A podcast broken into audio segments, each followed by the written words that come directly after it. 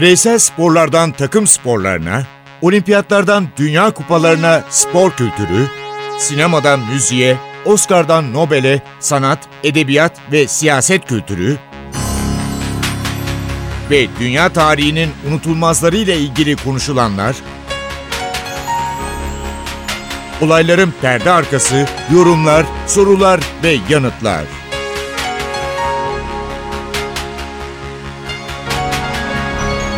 Ercan Taner ve Mert Aydın'la Ateş Arabaları başlıyor.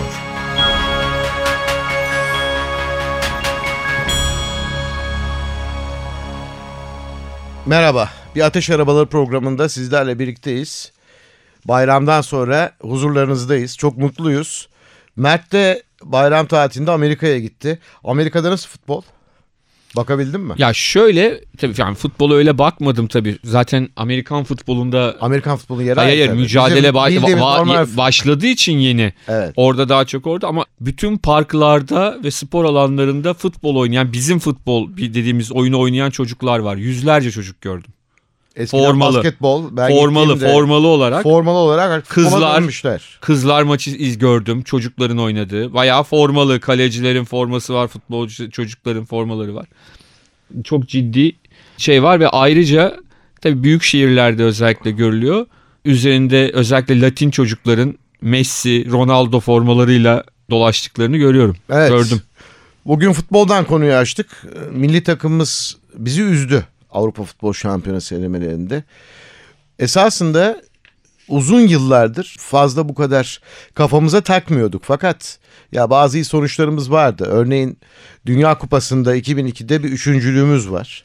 1954 Dünya Kupası'na katılıyoruz. Burada büyük bir başarımız yok ama katılıyoruz. Ve Avrupa Şampiyonası'nda 2008 yılında yine bir üçüncülüğümüz var. Ve 1996'da ilk kez katılıyoruz. Ve 2002 Dünya ikincisi Almanya katılmayınca da benim gidip anlattığım, yerinde izlediğim Konfederasyon Kupası'nda büyük bir başarımız var. Finali son anda kaybediyoruz. Orada da bir üçüncülüğümüz var. Ama Türk futbol tarihi yine bizi çok üzen sonuçlarla dolu. Onu söyleyebilirim. Programı böyle açtık. İlk maçımızı İstanbul'da 26 Ekim 1923'te oynadık. Rakibimiz Romanya'ydı ve ilk maçımızda 2 gol yedik ama 2 de gol attık. Türkiye 2, Romanya 2. Sonra farklı galibiyetlerimiz, bizi çok mutlu eden galibiyetlerimiz var. Bunlardan 3 tanesi de 7-0. San Marino'yu 1996'da İstanbul'da 7-0 mağlup ettik. Tarih 10 Kasım 1996. Sonra Cenevre'de 1954 Dünya Kupası'nda karşımıza Güney Kore geldi ve 7-0 kazandık. Ve yine 1949 yılında Suriye 7-0 kaybettik. Fakat bizi özen bir takım var ki o takımın adı İngiltere. Maçımızın tarihi 1984. Ben TRT'de mesleğe yeni başlamışım. İstanbul'da Tansu abi anlatıyor maçı. Acayip bir formayla çıktık sahaya. Parçalı kırmızı beyaz forma hatırlarsın. 14 Kasım 1984. O maç bizi yıktı, hayal kırıklığına uğrattı. Ercan abi o maçtan önce o sırada ben ortaokuldaydım. Yabancı hocalarımız vardı, İngiliz hocalarımız. Yani bir de nasıl bir cahil cesaretimiz varsa onlara sizi yeneceğiz falan diye şeyler söylüyorduk. Sonra tabii yüzümüz falan kalmadı ama o maçtan sonra rahmetli Candan Tarhan da teknik direktörümüz.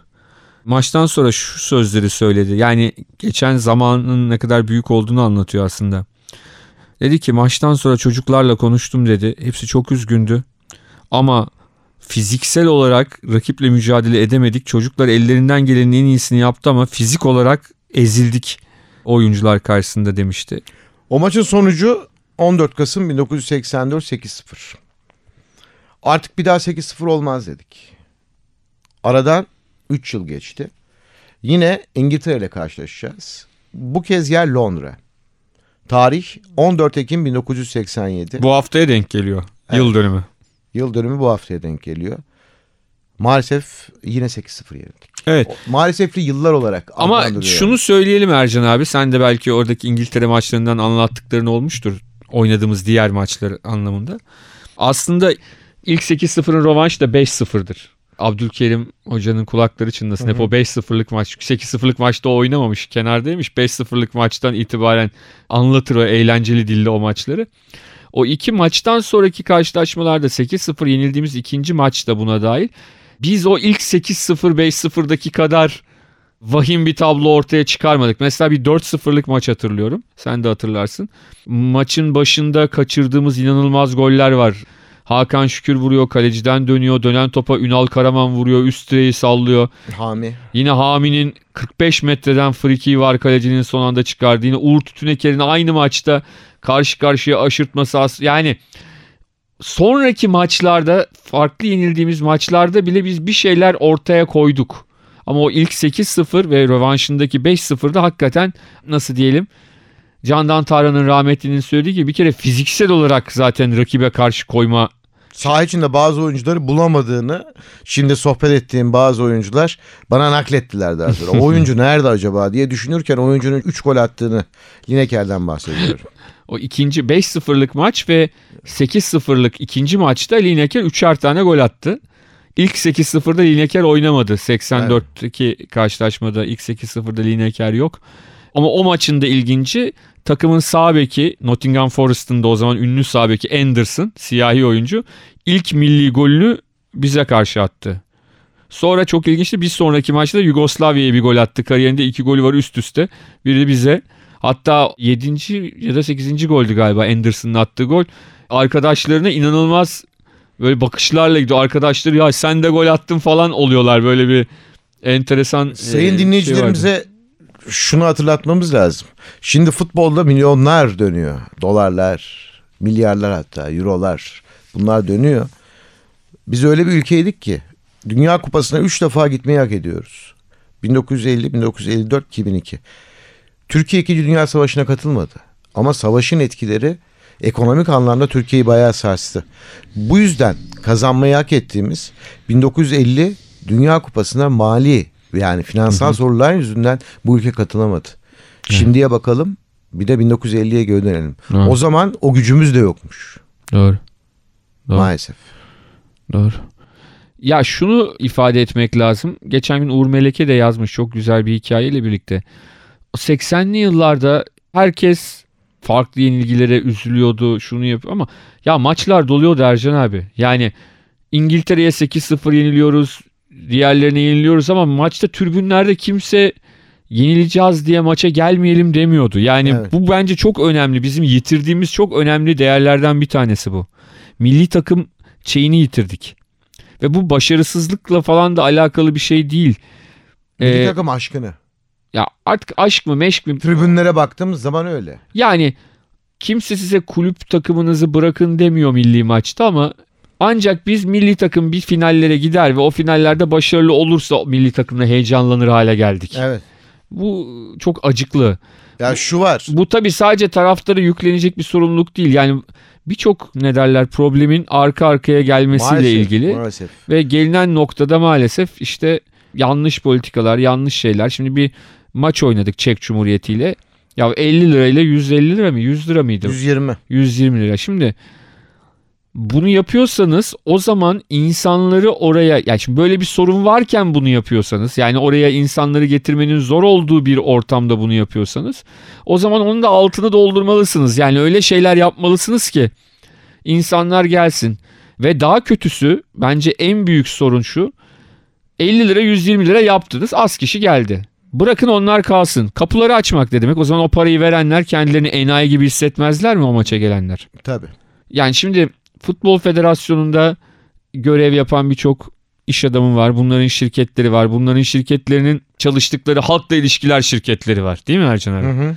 Ya bunlardan herhangi birine e, hayatında futbol maçı organize etmemiş, seyirci işi organize etmemiş birine bile bu işi verseniz çok daha iyi yapardı herhalde bu Aynı organizasyonu. Aynı kanal. Yani hem işin parasal yönünü farklı yapardı hem o gün belki işte sanatçılar oraya getirip insanların bir böyle nasıl diyelim futbolla ilgisi olmayanların bile maça gelmesini işte konser dinlemek için birçok şey yapılabilirdi herhalde ya. Yani o gün çok ciddi şekilde sadece saha içindeki sıkıntıları söyleyemeyiz herhalde. Hı hı. Başka problemler de var. Organizasyon konusunda çok net şekilde sınıfta kaldığımızı o anlamda söyleyebiliriz.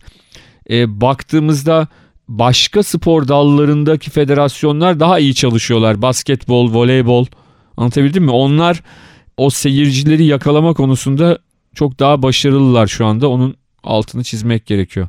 Ercan abi çok mu olumsuz konuştuk? Çok olumsuz konuşmadık. Bazen gerçekler acıtır. Bunu belirteyim.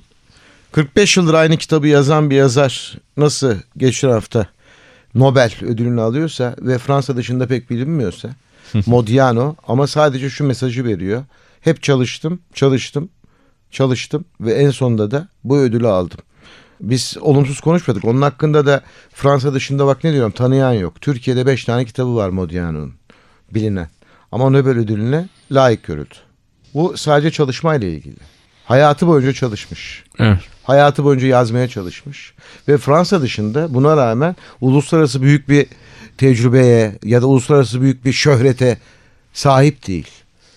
Fakat artık sahip. Ama anahtar çalışmak. Bizim de kötü giden işler konusunda bizim mesleğimiz bu. Konuşabiliriz, eleştirebiliriz. Tabii ki tabii ki. Ama işin parolası ve anahtarı çalışmak. Yıllardır çalışanlar var. Bunlardan birisi müzikte Masar Fuat Özkan. Evet.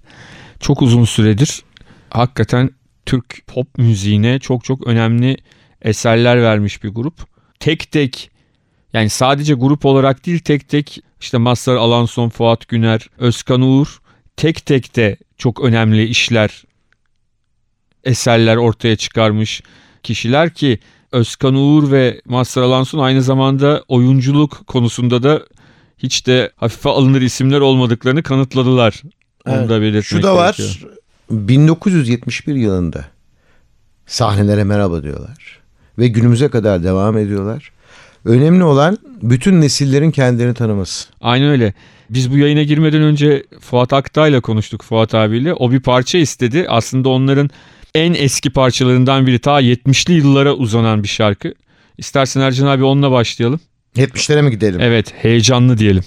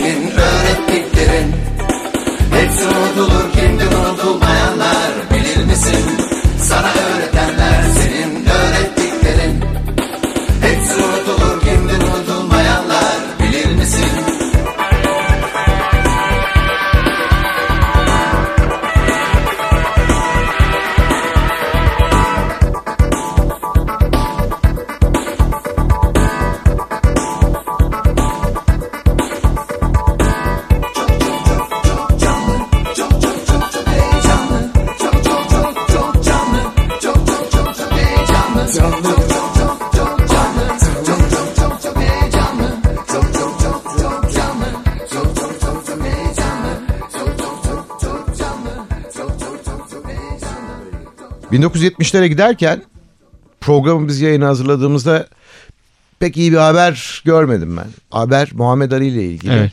Şu anda öyle bir problem yaşıyor ki Muhammed Ali Parkinson hastası. Bunu artık herkes biliyor zaten. Artık konuşmakta, evinden çıkmakta zorlanıyor. Kendisi adına tekrar bir film çalışması, bir ödül töreni varken kızı maalesef babam artık konuşmakta bile zorlanıyor. Derdini anlatmakta zorlanıyor. Kardeşi de aynı şekilde evden çıkmakta zorlanıyor. Tabii ki klasik bir cümle vardır. Allah gecinden versin diye ama durumunun şu anda son derece kötü olduğu yolunda bütün dünya basınında haberler çıktı. Evet yani hastalığının iyice ilerlediği Evet. herhalde yaşı da ilerlediği için onu da belirtmek lazım 72 yaşında.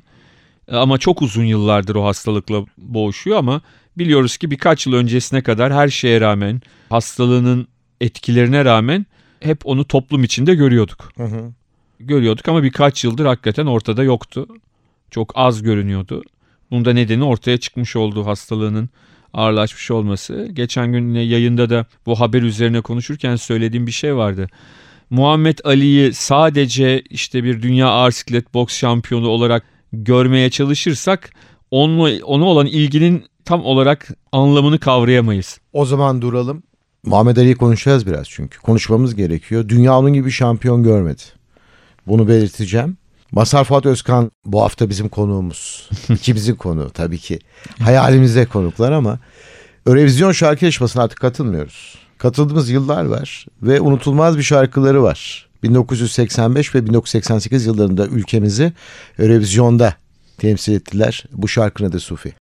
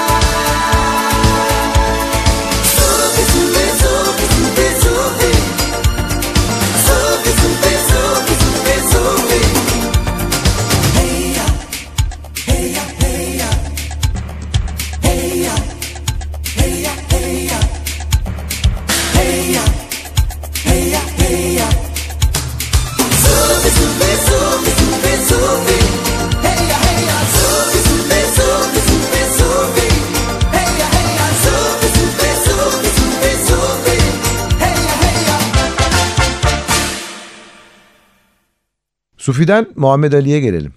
Ben Vietnam Savaşı'na gitmem. Vietnamlılarla hiçbir sorunum yok. Bunu söyleyen şampiyon bir boksör. 10 yıl hapis cezası sonra 5 yıla iniyor. Ve daha sonra da dünya boks şampiyonluğu ünvanı elinden alınıyor. Açıkçası Muhammed Ali'yi bir anda bitiriyorlar. Ama şampiyonlar bitmez. Yani belki bu olaylar hiç olmasa Muhammed Ali o toplumda farklılık yaratan sözleri hiç söylememiş olsa, hayata devam etmiş olsa o zaman da belki Muhammed Ali şimdiki kadar, şimdiki gibi büyük bir şampiyon olarak anılmazdı herhalde. Kesinlikle öyle ve büyük şampiyonun hem şampiyonluklarını kazanması, Joe Fraser'la olan diyalogları, daha sonra Foreman'la olan, Foreman bir anda şampiyonluğunu Muhammed Ali'nin bayağı zorlamıştı hatırlarsın değil mi? Çenesini kırmıştı.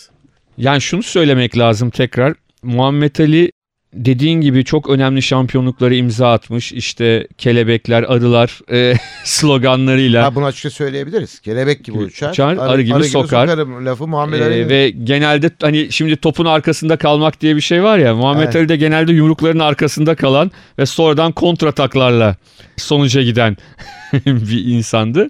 Bir boksördü. Ama dediğim gibi benim açımdan Muhammed Ali'nin büyüklüğü sporculuğunun çok daha ötesinde görüşleri Afrika kökenli Amerikalıların ezilmişliğine ve onların yaşadığı sorunlara bakış açısı onları daha ileriye götüren bir kanaat önderi olmasından dolayı. Peki kazandığı olimpiyat madalyasını ülkesine gelip ne yaptığını biraz sonra anlatacağız. Çünkü az önce sen bahsettin. e, Fuat Aktar'ın istediği bir şarkı var diye. Sevgili dostum şu anda yanımda. evet o şarkıyı çaldık. çaldık. O şarkıyı çaldık. Heyecanlıyı çaldık. Ha, çok severim ben. Ee, o Masar Fuat Özkan'ın ilk dönem şarkılarındandır. Heyecanlı, çok güzel şarkıdır. Şimdi hangisini çalacaksınız? Şimdi benim aklıma şu geldi. Bu sabah yağmur var İstanbul'da. Evet. Yağmur da yağmalı değil mi biraz barajlar? Çok sosyal içerikli oldu. Sosyal içerikli Ya oldu. zaten. Yağıyor. Bana da öyle geliyor. Bu sabah yağmur var İstanbul'da. Gözlerim dolu dolu oluyor bilinmez diye Anne sözü dinler gibi masum. Ağladım bu sabah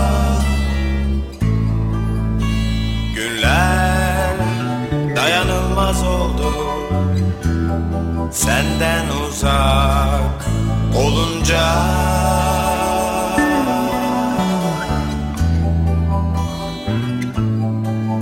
Martılar mahzun oldu Onlar bile ağladılar.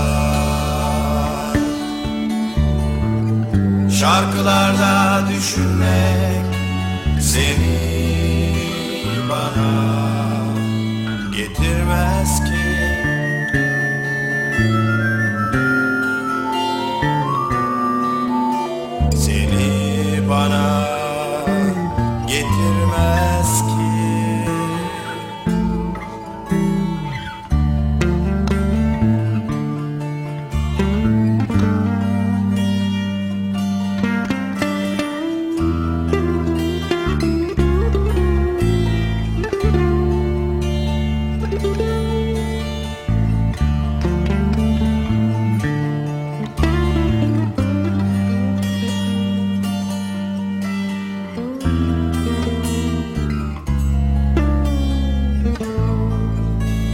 sabah yağmur var İstanbul'da.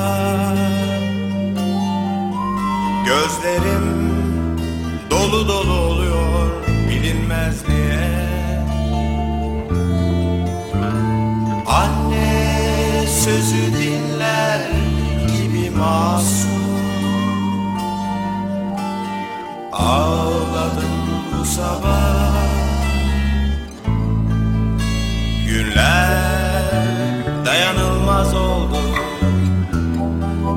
benden uzak olunca.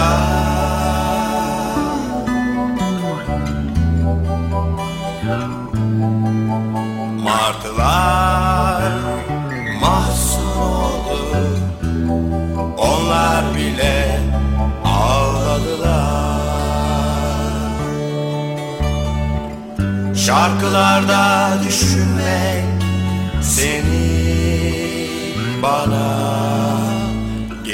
getirmez ki.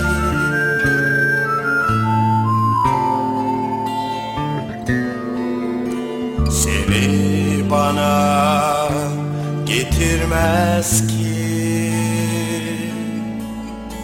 Seni bana getirmez ki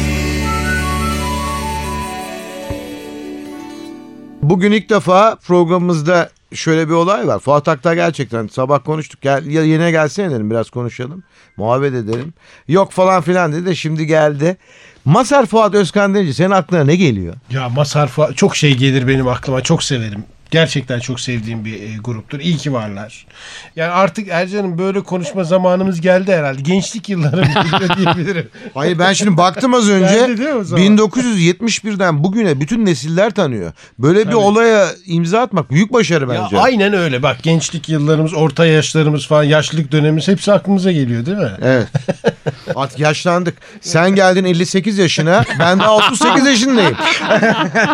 Yok aynı yaştayız sayın dinleyiciler onu söyleyeyim. Şeyde 50'lik çalacak olduk mısınız? değil mi? Ele güne karşı da çalacak mısın? Çalalım mı E, şimdi, şimdi? onu çalalım bari. Onu çalmadan olmaz ki. Ele güne karşı. Olmaz.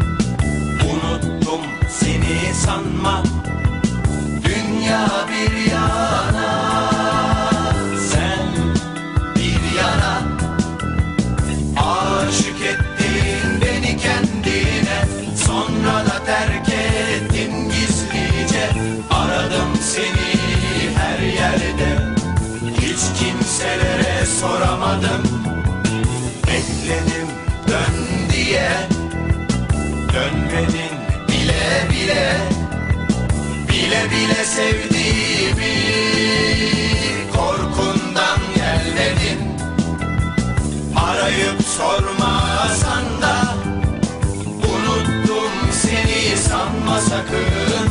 Dünya bir yana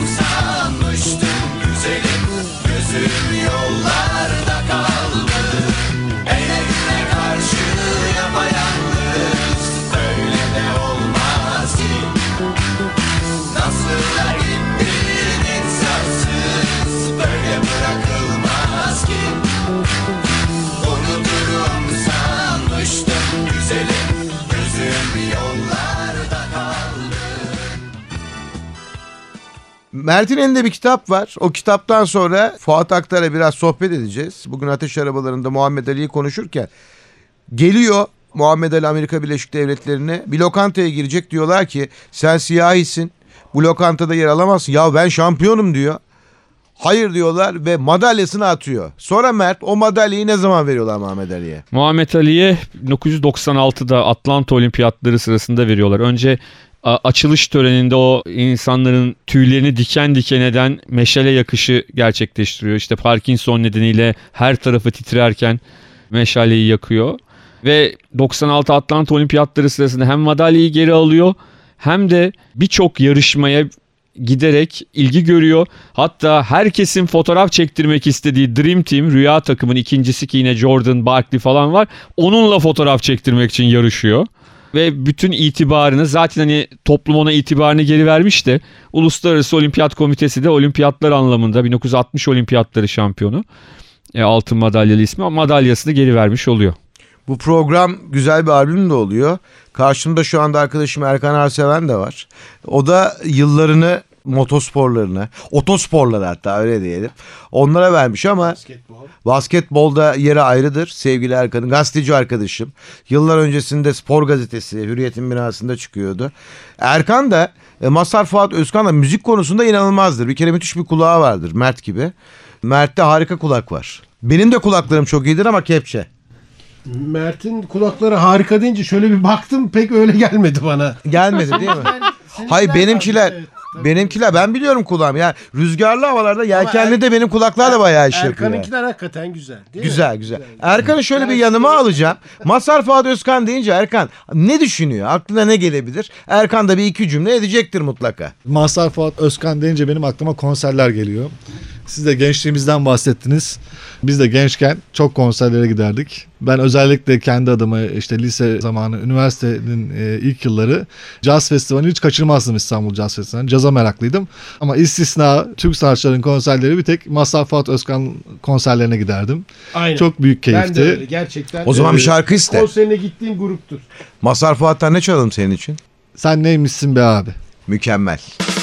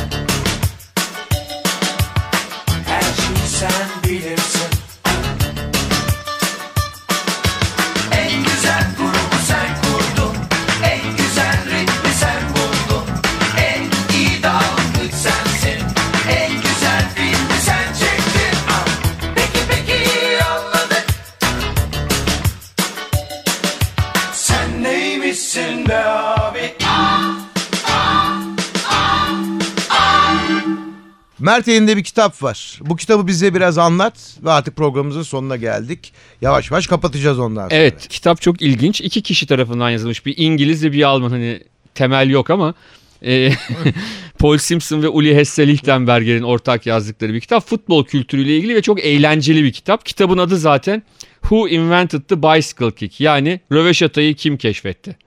Kitapta bu tip... Klaus Fischer mi? Klaus Fischer'in adı geçiyor ama ilk keşfedenin kim olduğu bilinmiyor. Sadece 20. yüzyıl şey 19. yüzyılın sonunda Perulu Kalaok kentinden bazı siyahi futbolcuların ürettikleri ne kadar geliyor. 1890'larda bazı yazılarda böyle bir vuruş yapıldığı belirtiliyor ama başkaları ben keşfettim diyen çok adam var. Ama onların hepsinden önce yapıldığı biliniyor. Bir öncesi bulunuyor ama Fischer'den de bir şey var ama kitapta çok enteresan sorular ve çok enteresan yanıtlar var ve kitapta Türkiye ile ilgili de ilginç doneler çıkıyor. Mesela şöyle bir soru var. Aynı gün iki maç yapan futbolcu kimdir diye. Orada direkt olarak Can Bartu'nun Beyoğlu Spor attığı goller ardından Galatasaray'a karşı oynadığı maç basketbolda. Ondan bahsediliyor. Şükrü Gülesi'nden bahsediliyor kitap. Korner gollerinde Şükrü Gülesi'nden de bahsediliyor. Onun dışında da kitapta yine Türkiye ile ilgili enteresan şeyler var. Bir tek ilginç bilgi var onu söyleyeyim korner golleriyle ilgili. Korner gollerine Güney Amerika'da olimpik gol deniyor. Bunun nedenini anlatıyor. Bütün kornerden direkt gol olursa günümüzde bile işte gole olimpiko diyorlar. Niye öyle diyorlar? 1924 yılında Uruguay olimpiyat şampiyonu oluyor kıtaya geri dönüyor. Arjantin'den de bir kıskanma geliyor. Ya biz niye yollamadık takımı olimpiyata biz olurduk falan. Diyorlar ki Uruguay'a hadi bakalım maç yapalım. Siz olimpiyat şampiyonusunuz biz sizi yenecek miyiz? Neyse çift maç ayarlanıyor. Uruguay'daki ilk maç 1-1 berabere bitiyor. Arjantin'deki maçı Arjantin bir kornerden direkt kornerden atılan bir golle 1-0 kazanıyor ve bu gole olimpik gol adını veriyorlar. Ve o günden bu yana da Güney Amerika'da eğer bir korner golü atılırsa adına direkt gol olduğunda olimpik gol deniyor. Bizde bu güzel kitabı artık Türkçe'ye çevrilirse tahmin ediyorum spor severler kaçırmazlar. Programımızın son bölümlerine geldik. Fuat Akta, Erkan Erseven. Bizim sevgili yönetmen arkadaşımız da var Kerem ama Masar Fuat'la ilgili Kerem hiçbir şey söylemiyor. Sadece şu anda elinde telefonuna bakıyor kapıda gördüğüm kadarıyla. Sen de bari bir şarkı iste de ondan sonra programımızı kapatalım. Bugün böyle olacak. Kerem gel bakalım Mert'in yanına. Sufi mi ister?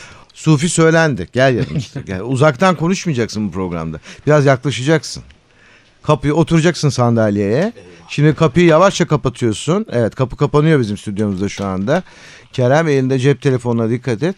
Masar Fuat Özkan'dan Mert Sufi dedi olmaz o söylendi. Sufle ver sen de. Sufle verin evet ihtiyacım var şimdi.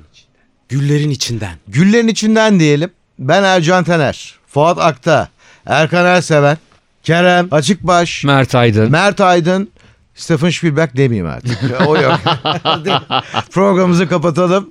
Hoşçakalınız. Hoşçakalın.